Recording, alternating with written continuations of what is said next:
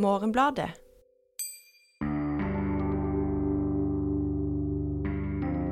Jeg, jeg tenker at uh, jeg, etter å ha sett 'Verdens verste menneske', så, så, kan man måte man kan fint lage et poeng ut av at Oslo burde betale trier uh, for den filmen. For den er jo en voldsomt god reklameplakat for byen.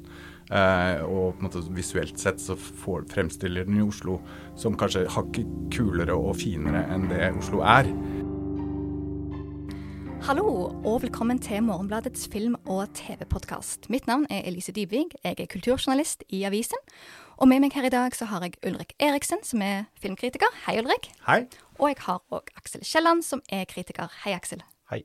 Dette er da den aller første episoden av denne podkasten, der vi fra nå av hver uke skal ta for oss en eh, aktuell film, eller en dag så snakker vi om en aktuell TV-serie, eller noe helt annet eh, filmaktig eh, tematikk. Og vi har ikke bare tenkt å snakke om det, det, vi ser, om det fungerer eller ei, om er det bra eller er det dårlig, men vi skal òg gå inn i de større ideene og problemstillingene som verket er i berøring med. Og i denne episoden så skal vi snakke om 'Verdens verste menneske' av Joakim Trier. Og dette er en film som hadde premiere under filmfestivalen i Cannes, og så kom han på kino nå denne uken. Og den har jo fått en overveldende positiv mottakelse. Det er vel bare femmere og seksere overalt. og Utenlandske medier kaller det for uh, en umiddelbar klassiker. Og Renate Reinsve, som da spiller hovedpersonen i filmen, hun vant jo til og med pris i Cannes. Så det er jo ikke måte på uh, mottagelse. Og uh, derfor så lurer jo jeg litt på om man lever opp til forventningene. Det er jeg sjøl litt usikker på, men veldig spent nå å høre deres tanker om det. Um, men uh, før vi kommer så langt, så Ulrik, du har intervjua Tryer i ukens uh, avis. Når han skal gå og se en film, og så står det at Joakim Trier har lagd den, hva, hva, film får han egentlig da? Nei, du får en uh, Ofte en film om Oslo, som, som, dette. og du får en film laget av en filmskaper som er veldig opptatt av presisjon. Altså ha stor presisjon i scener, i skuespill, i hvordan han vil visuelt presentere det. Og så har han en filmskaper som er veldig leken uh, i måten han vil Hvilke filmatiske virkemidler han vil bruke. han vil utforske hvordan filmen kan fortelles på ulike måter. og så har han et, en, gjerne en sånn blanding av et eksistensielt alvor med litt mer tøysete blikk på verden. så det var en sånn balanse der mellom det, ja, mellom det alvorlige og det mer tøysete. Aksel, i 'Verdens verste menneske', hva, hva får vi der? Det er en uh, historie om Julie, uh, en uh, kvinne i slutten av 20-årene.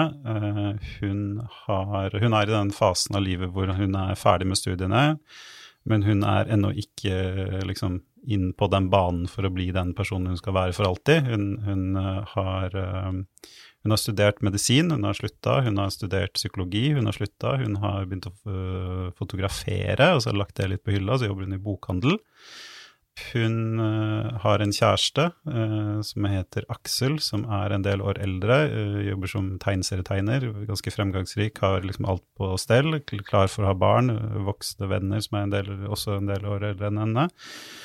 Og har jo på en måte et veldig tett forhold til han, men så, på en av disse slippfestene hans, sniker hun seg av gårde fordi han er opptatt med å bli hyllet av alle, og, og på, så sniker hun seg inn på vei hjem sniker hun seg inn på et bryllup til noen hun ikke kjenner, og der treffer hun en, eh, en mann på, på hennes egen alder eh, som heter Eivind. Eh, og da er da mye av filmen da går ut på liksom forholdet hennes til disse to, da. Ulrik, sjangermessig, hvor, hva, hva, sjanger er egentlig aktuell å liksom plassere denne filmen i, da? Altså, Den blir jo markedsført uh, som en uh, romantisk komedie. Og den har jo uh, elementer helt klart av den romantiske komedien. den trekker paralleller til bl.a. Woody Allens filmer, også Screwball-filmer fra 30-40-tallet. og musikaler fra 50-, 60- og 70-tallet. Men den eh, har jo så mye av det Trier driver med, eh, er jo ikke en ren sjangerfilm. Altså han eh, bruker sjangeren til å utforske, eller bruker det som en middel til å komme seg inn på mennesker. Eh, og inn på relasjoner og inn på eksistensielle erfaringer. Så i den grad det er en romantisk komedie, så eh, tar den seg ganske raskt i retninger som på en måte ikke ikke nødvendigvis eh, ligner på den klassiske romantiske komedien som vi kjenner fra Hollywood, da, f.eks. Mm. Og dette med liksom sjanger og eh, for så vidt eh, de fortellergrepene Trier benytter seg av i denne filmen.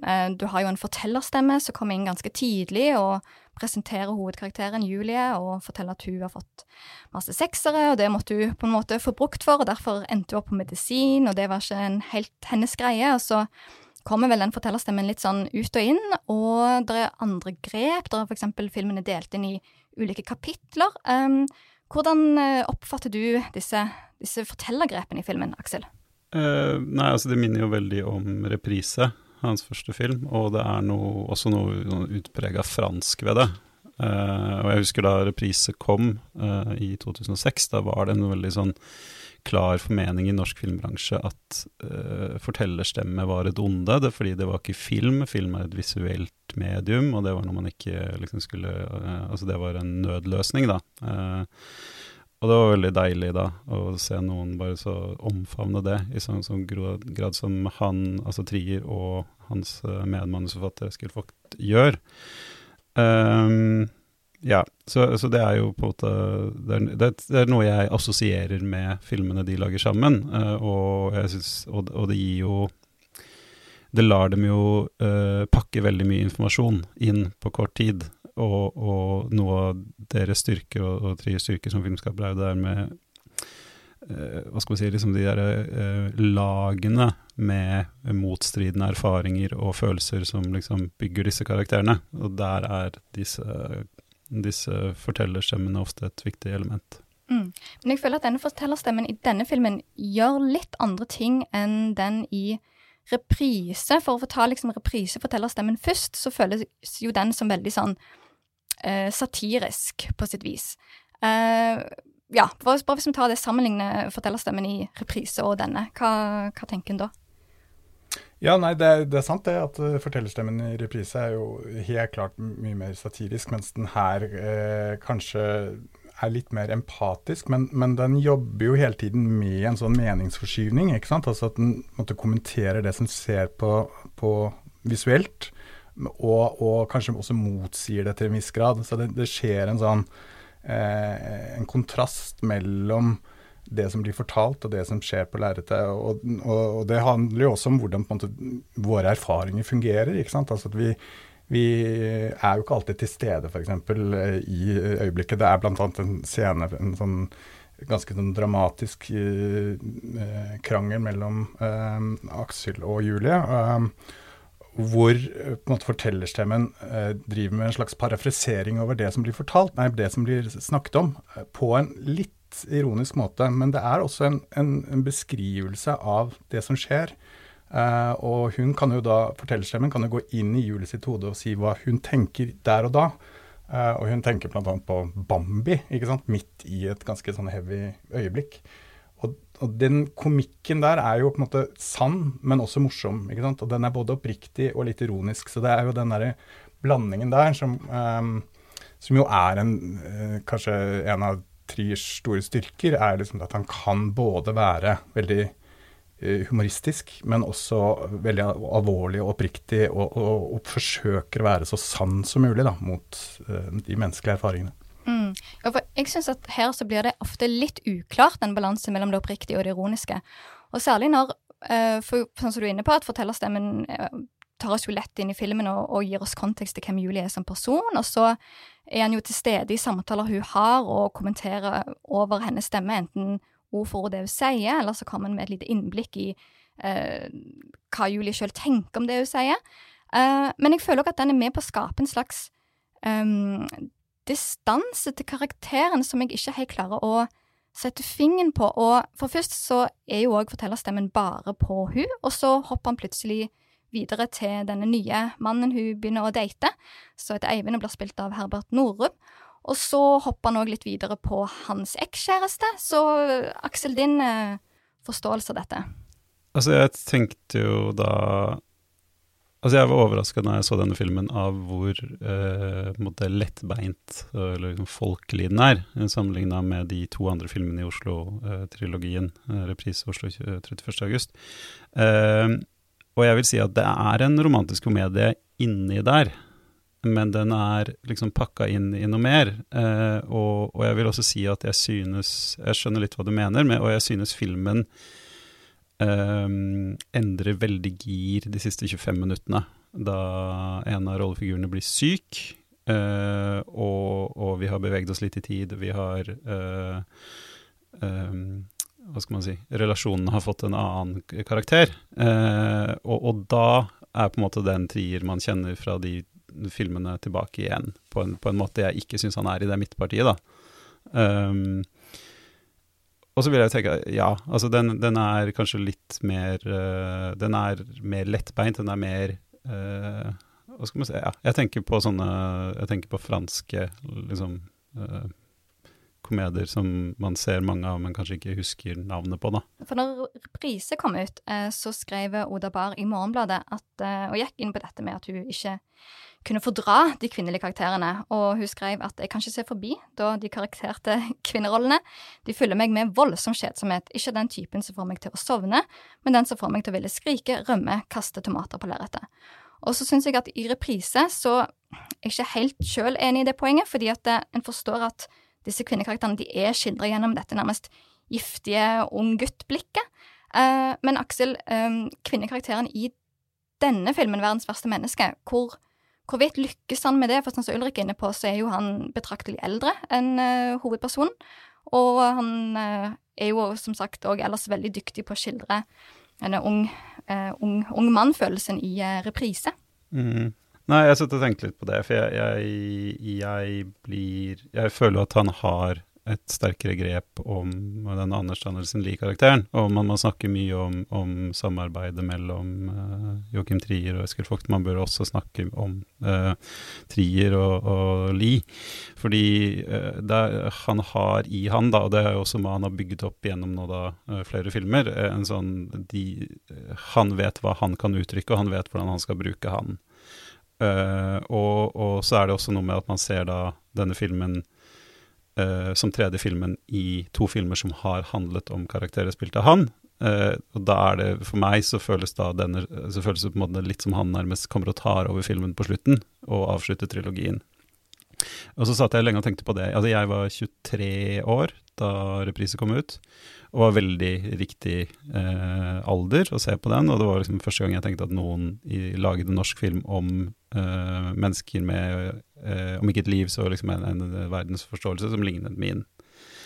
Eh, og så har jeg tenkt på nå, altså er min manglende evne til å, til å liksom sette meg inn i, i, Julie, er det et resultat av kjønn, eller er det et resultat av tid? Eller at jeg ikke har gått på medisin, eller altså sånne ting, da.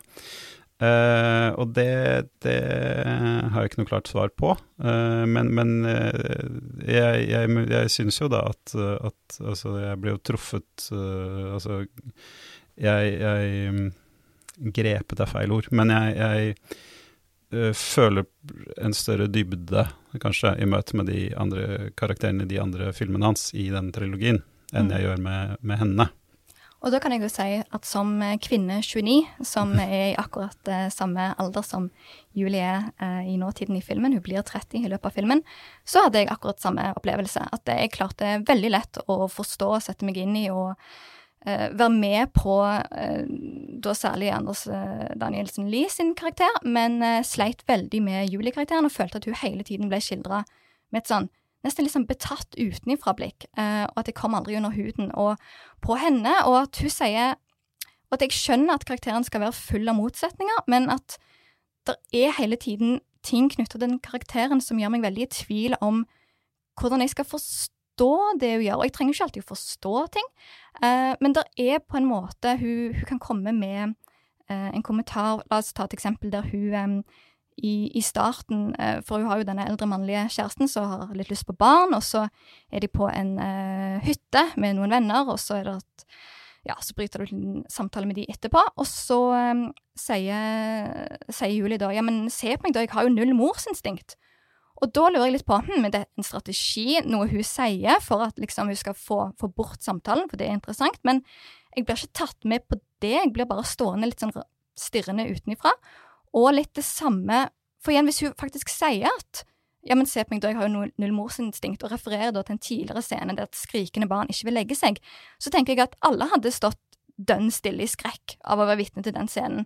Um, sånn at, så, så, jeg blir hele tiden i tvil om hva, er det jeg ser og, og forholder meg til. Uh, Ulrik, har du noen? Ja, jeg tror at det du ser på, er jo en person som på en måte ikke er helt uh, bekvem med seg selv. Um, og det du ser på, er en person som på en måte, har en versjon av seg selv som den prøver å, å, å, å vise verden, uh, i et forsøk på å på en måte, beskytte seg selv, og kanskje ikke tørre å gå inn i sine egne ting. Da. Um, og bruker f.eks. frekkhet, humor, nådeløshet som strategier i en måte å eh, møte verden på. Uh, og det tenker jeg Det kan i hvert fall jeg kjenne meg igjen i, som på en måte eh, en, eh, en, en, en, ganske sånn menneskelig eh, ting man gjør, og kanskje i en periode av livet hvor man nettopp er litt, føler seg litt ja, sårbar, på en måte, så gjør man seg selv usårbar.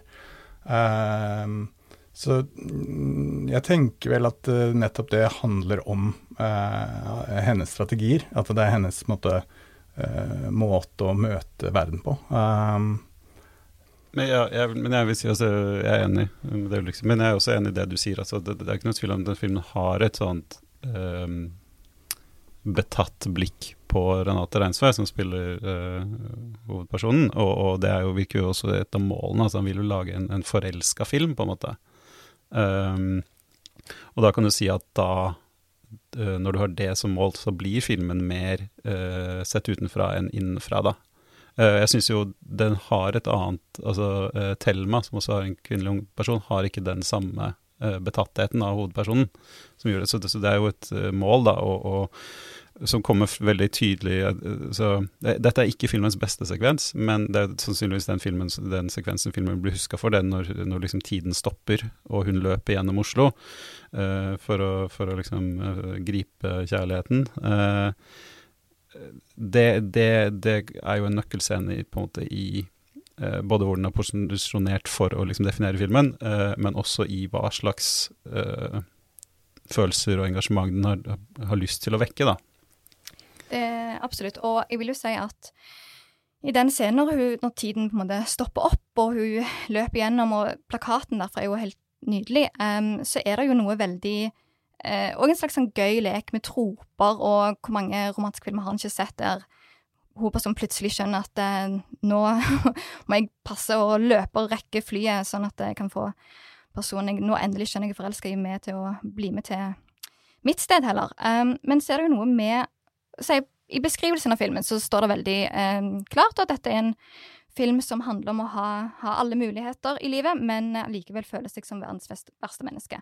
Og samtidig, og jeg tenker at det er veldig mye i denne filmen som Trygger pirker borti, som er veldig interessant, og som jeg tror veldig mange relaterer til. Men for meg så blir det veldig på overflaten, veldig sånn pirkete hele tiden. Og jeg tenker eksempel på en annen scene der um, hovedkarakteren Julie er på middag hos uh, moren sin, og så kommer denne fortellerstemmen inn, og kameraet flytter seg til liksom familiebilder på, på, um, på kommoden.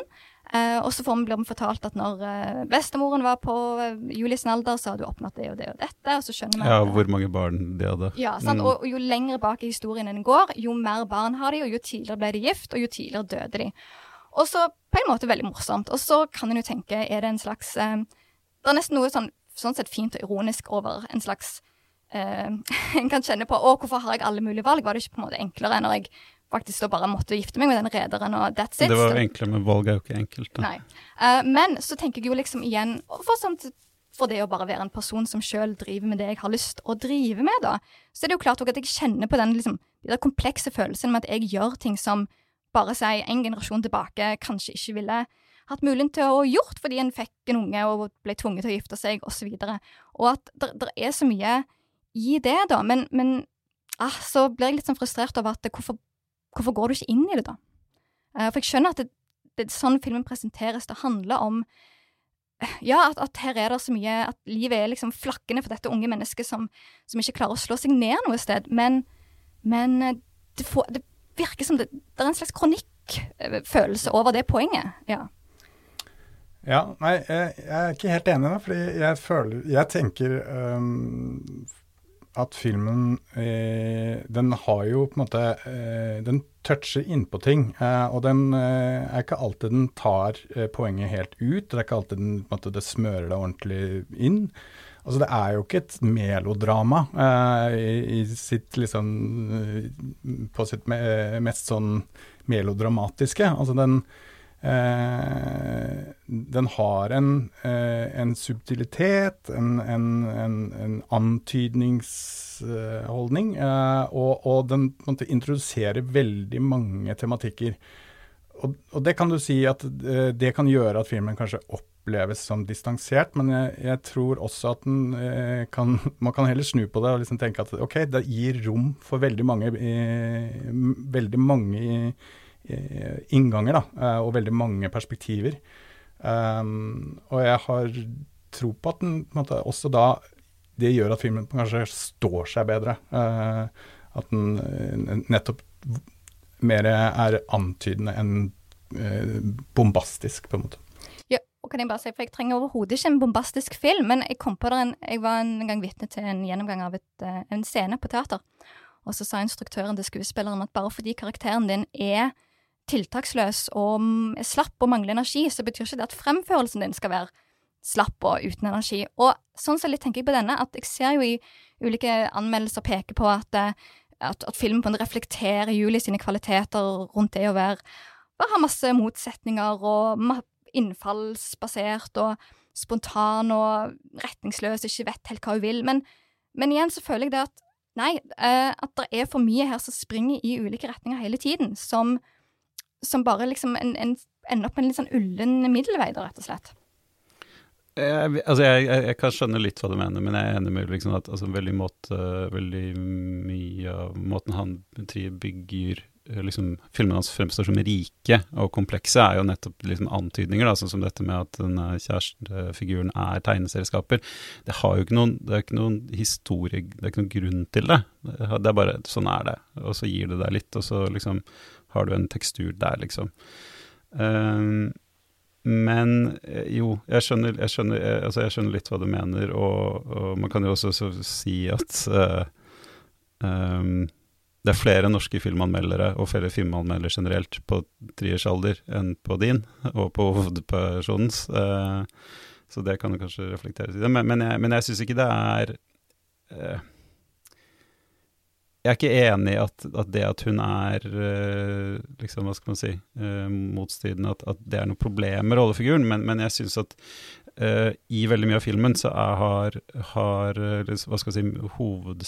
Hva skal man si, de to første aktene, da, så har filmen en sånn er noe arketypisk ved seg. Eh, altså at følelsene er rene, og liksom det er det bruddet, det er den erfaringen, det er den. Og så, og, og da blir hun veldig definert av sånne ting, som, som, som ikke har den kompleksiteten som uh, man ofte finner i filmene hans, og, uh, og som man etter hvert hun også får i den siste akten, når hun har vært gjennom litt ting, og hun, hun, hun har liksom Uh, hun har sterke relasjoner på forskjellige måter til forskjellige mennesker, f.eks. For Ehm,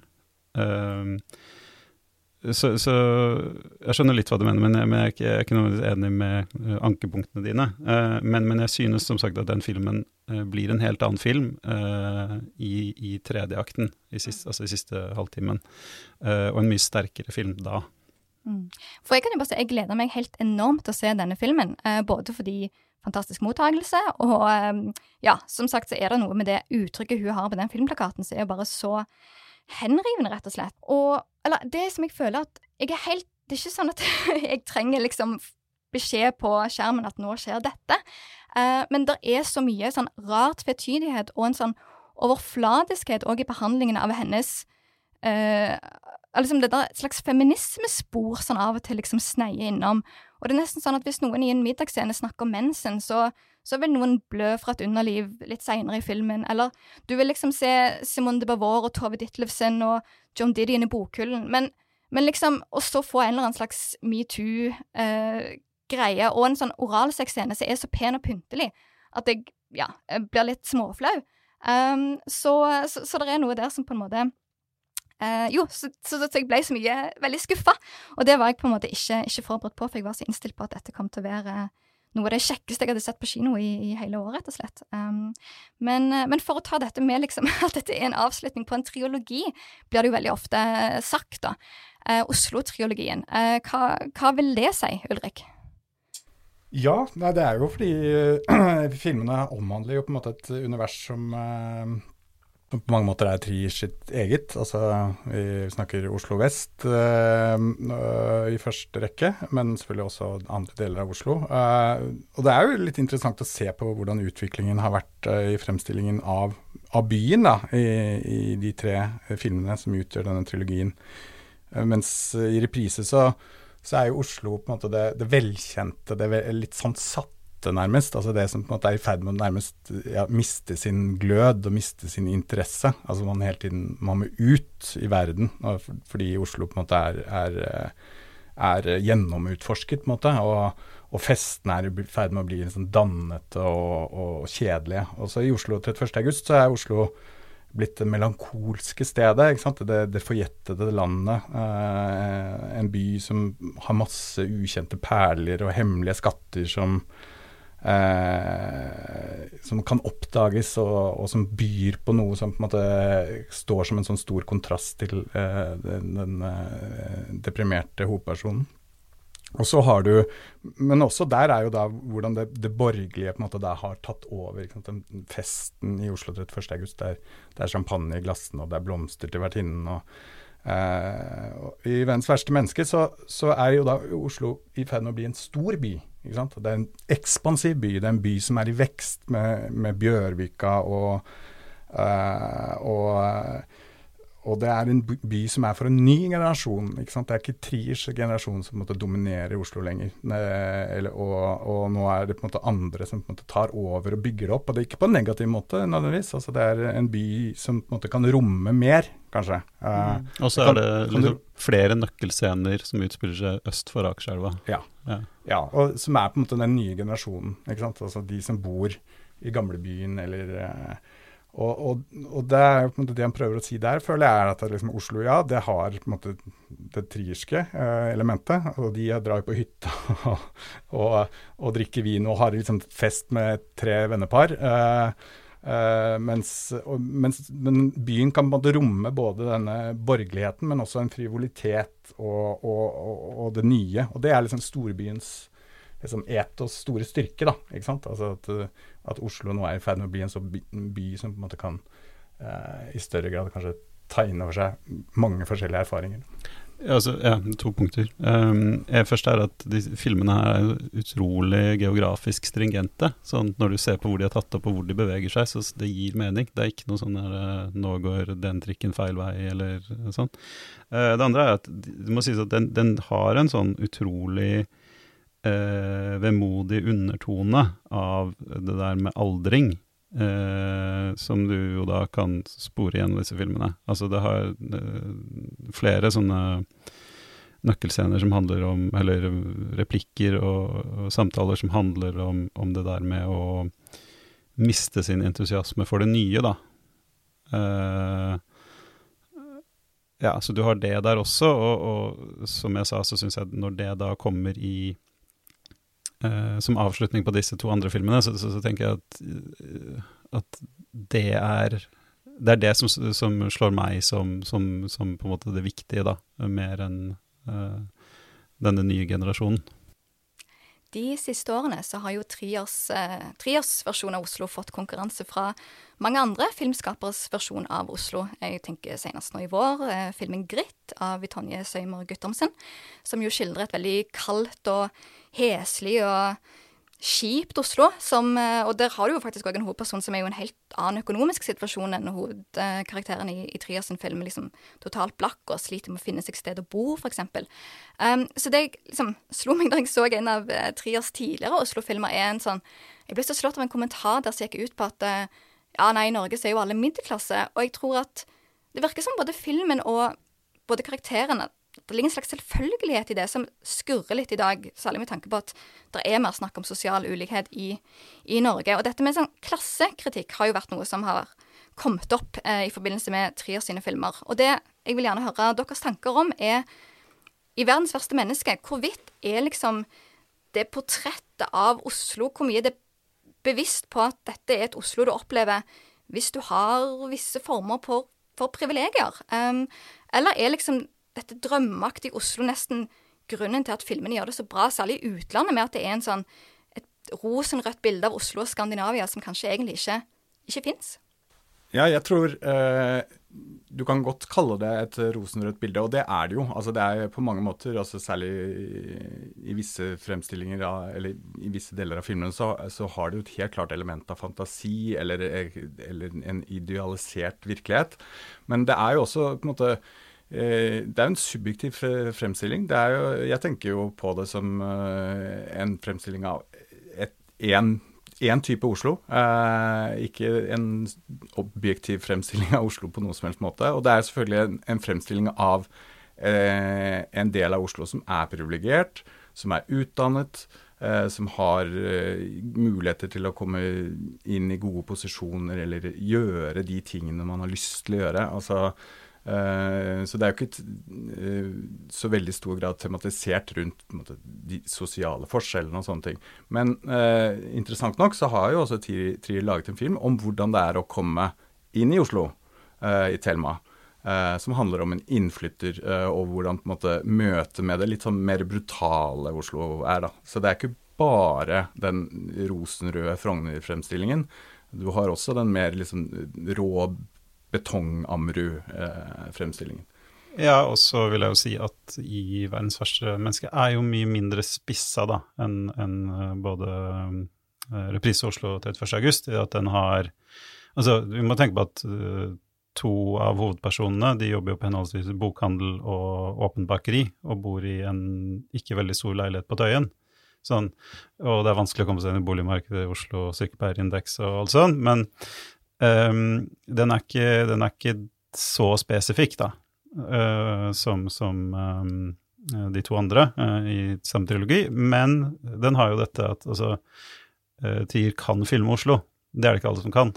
altså han vet hva han skal velge, han vet hvilke bilder han skal bruke. og jeg tror mye av det knytter seg til en sånn du, må ha, du, må ikke være oppvokst i byen for å ha det blikket på Oslo, men det hjelper.